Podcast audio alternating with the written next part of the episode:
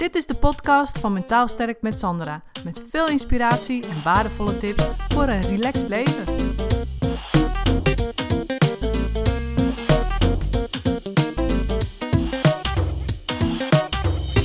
Sinds ik dit online initiatief ben begonnen, heb ik natuurlijk heel veel volgers en uh, mensen die mijn video's bekijken, podcast luisteren, noem maar op. En gelukkig krijg ik er altijd heel veel positieve reacties op. Mensen zijn altijd heel blij met mijn video's en filmpjes, podcasts. En natuurlijk is dat super en daar doe ik het ook absoluut voor.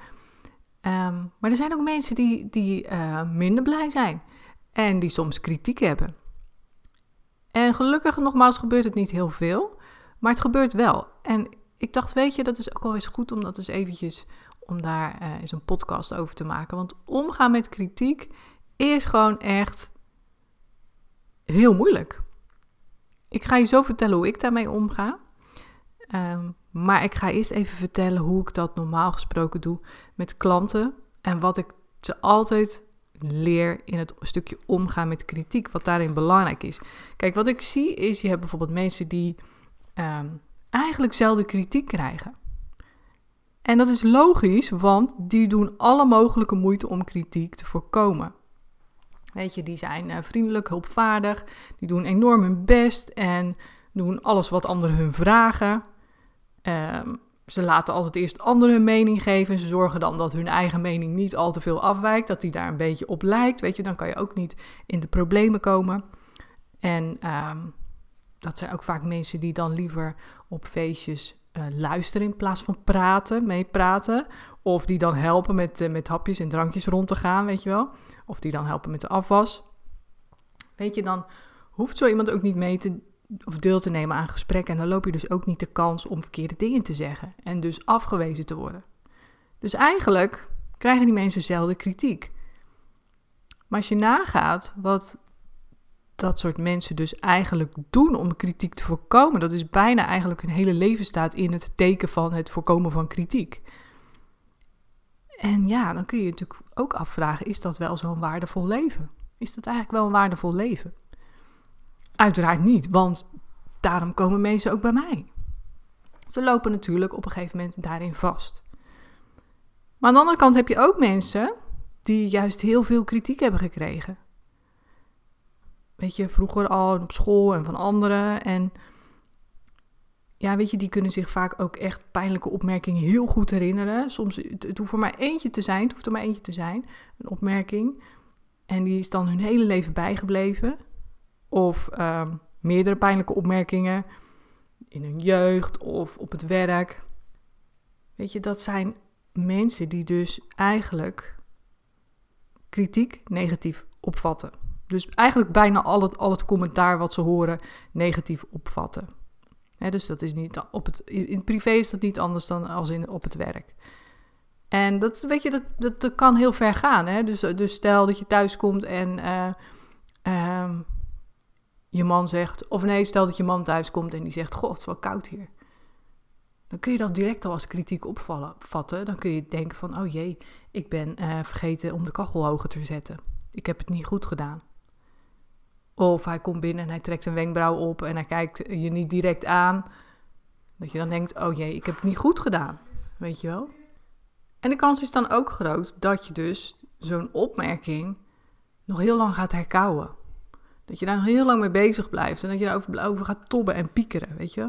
Dus dat is ja, echt heel belangrijk. Dat je in ieder geval nu even voor jezelf, als je moeite hebt met omgaan met kritiek, herkent van, goh, in welke categorie zit ik eigenlijk? Welke van die twee ben ik? En um, weet je, er zijn ook mensen die dus kritiek altijd voor waar aannemen. En wat gebeurt er dan ook? Dan ga je dus bijvoorbeeld situaties ontlopen waarin je kritiek verwacht. Weet je, als je een functioneringsgesprek hebt of een uh, of weet je, of, of, of, of, je man of vrouw of partner wil met je praten, dan ga je dat ontlopen. Of wat ik zei, dan ga je dus echt gewoon super netjes gedragen. Je gaat je echt super goed voorbereiden op zo'n gesprek en altijd klaarstaan en ja, proberen de beste dingen te zeggen of mee te praten, je onzichtbaar te maken. Zorgen dat je niet opvalt. Weet je, dat soort dingen. Of je gaat in de tegenaanval, dat kan ook. Hè? Dus dat is ook nog een soort categorie, zeg maar. Um, Dat, dat, dat, dat, zie ik ook wel, wel eens gebeuren. En dan, dan denk je van, goh, die mensen zijn assertief. Nee, die zijn agressief, maar vooral vanuit onzekerheid. Dus dat je, als je echt woedend reageert, als iemand je corrigeert of je wijst op een vergissing, weet je wel, dan denk je dat door de ander aan te vallen, dat je daarmee die kritiek buiten de deur houdt. Maar vaak voel je daarna alleen maar slechter. Waarom? Omdat je dan ja, toch ook wel een beetje spijt hebt. En je hebt misschien wel ruzie met iemand en dan voel je je ook niet beter over jezelf. Wat er ook vaak gebeurt is dat ehm, als je dus op een fout bent gewezen, dat, dat je die fout zo snel mogelijk gaat herstellen. En direct je leven gaat verbeteren. Weet je, omdat je dan het gevoel hebt van ik, ik kan er iets aan doen. Daarmee verzacht ik die pijn van, van die kritiek, van die opmerking. En daarmee stel ik de ander alsnog tevreden. Ja, en dat is natuurlijk ook iets wat heel veel energie kost. Dus het is belangrijk, weet je, want dit zijn allemaal automatismen. Strategieën, dat, dat worden, zijn strategieën, dat worden automatismen. Dus ik benoem ze even om, zodat, omdat het voor jou belangrijk is om je bewust te worden van wel, welke strategie zet ik nou in? Welk automatisme gebruik ik hier? Op het moment dat je dat helder hebt, dan kun je natuurlijk iets gaan veranderen. En daarbij wil ik vier stappen noemen die je kunt gebruiken in het omgaan met kritiek. En de eerste stap is, als je kritiek krijgt, weet je, je kunt kritiek ook gebruiken om er beter van te worden, om er verder mee te komen. En eh, je dus niet direct door je emotionele reactie te laten meeslepen, maar jezelf dus een aantal vragen te stellen die ik je nu ga noemen, waardoor je toch een beetje meer afstand krijgt naar dat stukje kritiek en hoe jij ermee omgaat. Dus de eerste stap is de vraag, jezelf de vraag stellen: is het eigenlijk wel kritiek? Is het eigenlijk wel kritiek? Weet je, zoals als je, als je man thuis komt en die zegt: Goh, het is koud hier. Is dat eigenlijk wel kritiek? Of heeft hij het gewoon koud? Is hij buiten geweest en uh, heeft hij, had hij daar ook al koud en hij komt binnen en hij heeft nog steeds koud? Is het eigenlijk een soort van probleem, een kou, kou probleem, zeg maar, wat hij mee naar binnen neemt? En uh, weet je, dus is het eigenlijk wel kritiek? Dat, eh, dat antwoord is of ja of nee. Weet je, het is niet een heel lang verhaal, dus ja of nee. Dus als je heel eerlijk kijkt, is het kritiek of is het, of vat ik het als kritiek op? Dat is natuurlijk de vraag. Want dat is dus wat er vaak gebeurt. Op het moment dat je denkt dat je kritiek krijgt, dan is het vaak geen kritiek, maar denk jij dat het kritiek is omdat jij het als kritiek opvat. Dus dat is best wel lastig om daar even afstand van te nemen. Maar deze vraag kan je helpen. Is het eigenlijk wel echt kritiek? En als je daaraan twijfelt, dan kun je dus aan de volgende regel houden. Alleen een opmerking waarin letterlijk iets negatiefs over jou of jouw gedrag gezegd wordt, is echte kritiek. Dus als je bijvoorbeeld te laat komt, dan kun je, ja, weet je, als je half uur te laat komt ergens, dan kun je zeggen, en iemand zegt, nou, je bent te laat. ja, dat is kritiek. En klopt het? Ja, het is waar. Maar de rest van dat soort opmerkingen, of nou ja, opmerkingen die dus kritiek hebben, kun je echt afvragen: is het wel echt kritiek? En als het antwoord ja is, als je te maken hebt met echte kritiek, stel jezelf dan ook de volgende vraag: Ben ik het ermee eens? Ben ik het ermee eens? Weet je, als je snel onzeker bent en last hebt, veel snel last hebt van die kritiek, dan ben je dus geneigd om die kritiek te veel als de waarheid te zien. Maar het is eigenlijk niet meer en minder dan een mening van een ander. Dus stel jezelf de vraag: ben ik het ermee eens? even die emotionele reactie op afstand houden en jezelf de vraag stellen: ben ik het er eigenlijk wel mee eens? Als iemand tegen jou op je werk zegt van joh, die geeft iets aan van goh, uh, dit of dat is niet goed gedaan, of dat is niet afgemaakt, of dat is, weet je, of um, dat had anders gemoeten, dan kun je je afvragen: ben ik het ermee eens? Voor hetzelfde geld heb je te maken met een hele perfectionistische collega, die vindt dat alles super perfect moet. En ja, jij kunt het daar gewoon niet mee eens zijn. Maar als je daar niet over nadenkt, dan ga je dat direct als kritiek opvatten. En dan ga je dat oplossen, ga je dat beter doen, ga je het afmaken, ga je, ga je eigenlijk met die collega mee, die, met die perfectionistische collega mee. Of misschien ben jij zelf wel zo iemand die dat ook naar anderen zegt. Van goh, je hebt dat niet goed uh, neergelegd. Of je hebt het niet netjes opgeruimd. Of je hebt. Hè, dat, dat kan ook hoor, dat je jezelf vanuit de andere kant in herkent. Dus dat is de tweede vraag. Ben ik het ermee eens?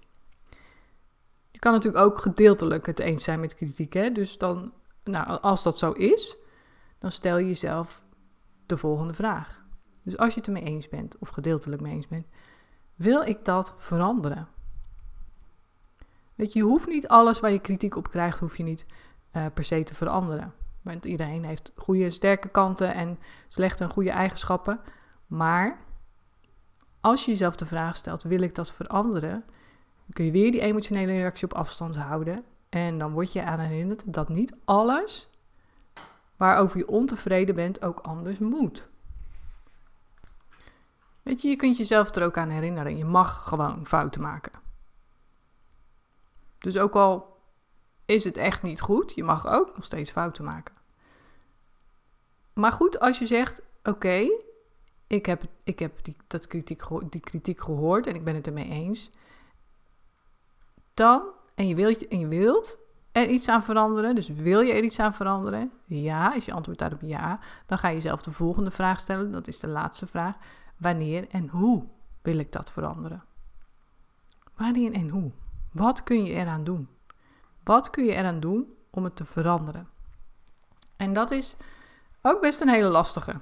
Want daar ga je natuurlijk ook weer snel de valkuil in van... Ehm, ga ik het veranderen omdat ik daarmee anderen wil plezieren? Ga er echt voor zitten. Weet je, als je die andere vragen door hebt gelopen en je bent het ermee eens en je, je, je ziet van, nou ja, oké, dit, voelt niet goed, dit is niet lekker. Dit vind, dit ik bijvoorbeeld ook met mijn waarden. Ik heb iets gezegd of gedaan wat ik niet fijn vond, dus stel dat je te laat bent. Ja, nou oké, ga je voortaan zorgen dat je op tijd bent, omdat je het zelf ook niet prettig vond. Weet je, dus als het echt vanuit jouw waarde klopt, dat jij iets gedaan hebt waarvan je kan zeggen, ja, dat, dat, dat kan anders, dat wil ik zelf ook anders, vanuit mijn waarde wil ik dat veranderen. Dan kun je jezelf dus vragen, afvragen wanneer en hoe wil ik dat veranderen. Dus ja, die vier vragen zijn echt ontzettend belangrijk. En zoals ik al zei, ik eh, krijg natuurlijk ook wel eens kritiek op wat ik hier allemaal online doe. Weet je, het stopt met positief zijn. Dat is niet iets wat iedereen direct begrijpt. En wat dus mensen ook vaak verkeerd opvatten. En weet je, op het moment dat ik daar een, een boze mail, het is gelukkig maar één of twee keer gebeurd, maar het moment dat ik daar een boze mail over krijg, dan denk ik, heel simpel eigenlijk, die persoon heeft het niet begrepen. Of die persoon is er niet genoeg ingedoken om het op de juiste manier te willen begrijpen. Dus die gaat bij mij direct de prullenbak in. En dan kun je denken, ja, dat is hard. Maar ik, ik ga daar ook niet aan trekken. Want ik kan niet, als iemand niet, al bijvoorbeeld niet bereid is geweest om ja, een video te kijken of de uitleg daarvan uh, door te nemen, maar direct als een oordeel klaar heeft, dan ga ik niet die persoon overhalen om alsjeblieft nog even goed ja, te gaan luisteren wat ik echt bedoel. Dan denk ik, nee, die persoon heeft de moeite al niet genomen om dat te doen. Dus ga ik er ook vanuit dat, dat, ja, dat ze hun oordeel al klaar hebben. En vaak is het dan al voor heel veel mensen zo van, oké, dit is mijn oordeel. En hoe meer je ze dan gaat overhalen om het, om het anders te zien, hoe dwarser ze worden. Weet je, dat is net als met pubers. Hoe meer je ze over gaat halen om uh, ja, naar school te gaan of hun best te doen, hoe minder ze er zin in hebben. Weet je wel, zoiets. Dus die gaat bij mij gewoon meteen de prullenbak in. En dan heb je natuurlijk ook nog andere kritieken. Dus zoals van ja, um, ja, het is te commercieel of het is te dit of te dat. Weet je, en dan denk ik ook van ja, dat is hoe die persoon het ziet. Vind ik het zelf te commercieel? Nee. Ik vind dat ik zelf heel veel waarde geef. En het is aan jou om te kiezen of je met mij mee wil gaan of niet. Of je mijn één op één hulp wil of niet. Of je mijn videotraining wil doen of niet. Daar laat ik je geheel vrij in. Dus daarin zie ik ook geen echte kritiek. Dus het is voor mij echt ook me afvragen: wat is nu voor mij echte kritiek? Eigenlijk heb ik die tot nu toe nog niet gehad. En dat is alleen maar heel gunstig. Maar als ik het krijg, dus ik heb wel eens op, het, op mijn werk, hè, dus dat was dan toen ik nog in loondienst werkte, had ik ook wel eens echte kritiek gehad van je hebt hier niet genoeg aan gedaan. En dat klopte, want ik had er ook niet genoeg aan gedaan. Ik was echt met andere dingen bezig die ik op dat moment belangrijker vond. En ik wist dat ze gelijk had. Dat was een leidinggevende. En toch werd ik heel erg boos. Niet op haar, want dat durfde ik dan weer niet, maar uh, achteraf. En waarom ben ik boos? Weet je, omdat ik eigenlijk gewoon wist, ik heb, ik, ze heeft gelijk. En ik baalde voor mezelf. En ik werd boos op mezelf, omdat het eigenlijk gewoon wrong met mijn waarden. Toen heb ik eigenlijk ook die vragen toegepast van, goh, is het wel echte kritiek? Ja. Wat wil, ik er iets aan veranderen? Ja, want het wringt met mijn waarden. En wanneer en hoe wil ik er iets aan veranderen? Nou, toen heb ik daar vervolgens een plan voor gemaakt. En daar ben ik dus mee aan de slag gegaan. Maar het, dus het is heel belangrijk om jezelf deze vier vragen te stellen. In het begin zal dat echt heel onwennig zijn. Dan zal je voor, voor je gevoel op alle vragen nog steeds ja zeggen. Ja, ja, ja, het is echt kritiek. Ja, het gaat echt over mij. Maar als, het je, als, als, als je het moeilijk vindt, vraag dan eens iemand die je daarbij kan helpen. Wat er vaak gebeurt is dat ik hier ook mensen in mijn praktijk heb die dan een man of een vrouw of een partner hebben die eigenlijk dat heel goed kunnen. Die eigenlijk dus al die vragen stellen, zeg maar, voor die persoon. Ongeveer uh, zo'n beetje. En die persoon dus al proberen te helpen met van, joh, dat, zo bedoelen ze dat toch niet? Of nee joh, dat heeft ze helemaal niet zo gezegd, dat vat jij zo op. Weet je, in die trant wordt er dan thuis al tegen die persoon gesproken. En daar vraag ik dan ook altijd naar van, goh, hoe gaat je man, je vrouw, je partner hiermee om? En dan vertellen ze dat en dan blijkt dat dus vaak een hele goede steun te zijn in het helpen met omgaan met kritiek. Dus als je het moeilijk vindt, zoek dan iemand die je daarbij kan helpen. Weet je, natuurlijk kun je professionele hulp zoeken, maar vaak heb je ook in je omgeving meer mensen dan je denkt, die echt wel heel goed zijn in het zien, dus van is dit echt kritiek op jou of niet. Die hebben ook niet die emotionele reactie die jij ertussen hebt zitten, zeg maar. Ga eens op zoek naar die mensen. Of misschien zijn ze dichterbij dan je denkt. En wat ik ook vaak merk is dat heel veel mensen ehm, niks van hun partner willen aannemen. En als ik dan zeg van joh, luister, je partner is daar eigenlijk heel goed in. Accepteer die hulp en die steun. Dan ineens denken ze van oh, wacht even, weet je. Dus het is vaak dichterbij dan je denkt. Dus ga daar eens naar op zoek en zoek daarin steun. Dus zoek steun en hulp in het jezelf stellen van deze vier vragen. Heel veel succes! Bedankt voor het luisteren. Wil je meer weten over mijn online videotraining of wil je graag mijn 1 op 1 hulp via Skype of in mijn praktijk? Mail me dan op contact@mentaalsterkmetsandra.nl. En als deze podcast waardevol voor je is, dan kun je dit gratis initiatief steunen door een vrijwillige donatie te doen. Klik hiervoor op de link in de omschrijving van deze aflevering. Alvast bedankt en tot de volgende podcast.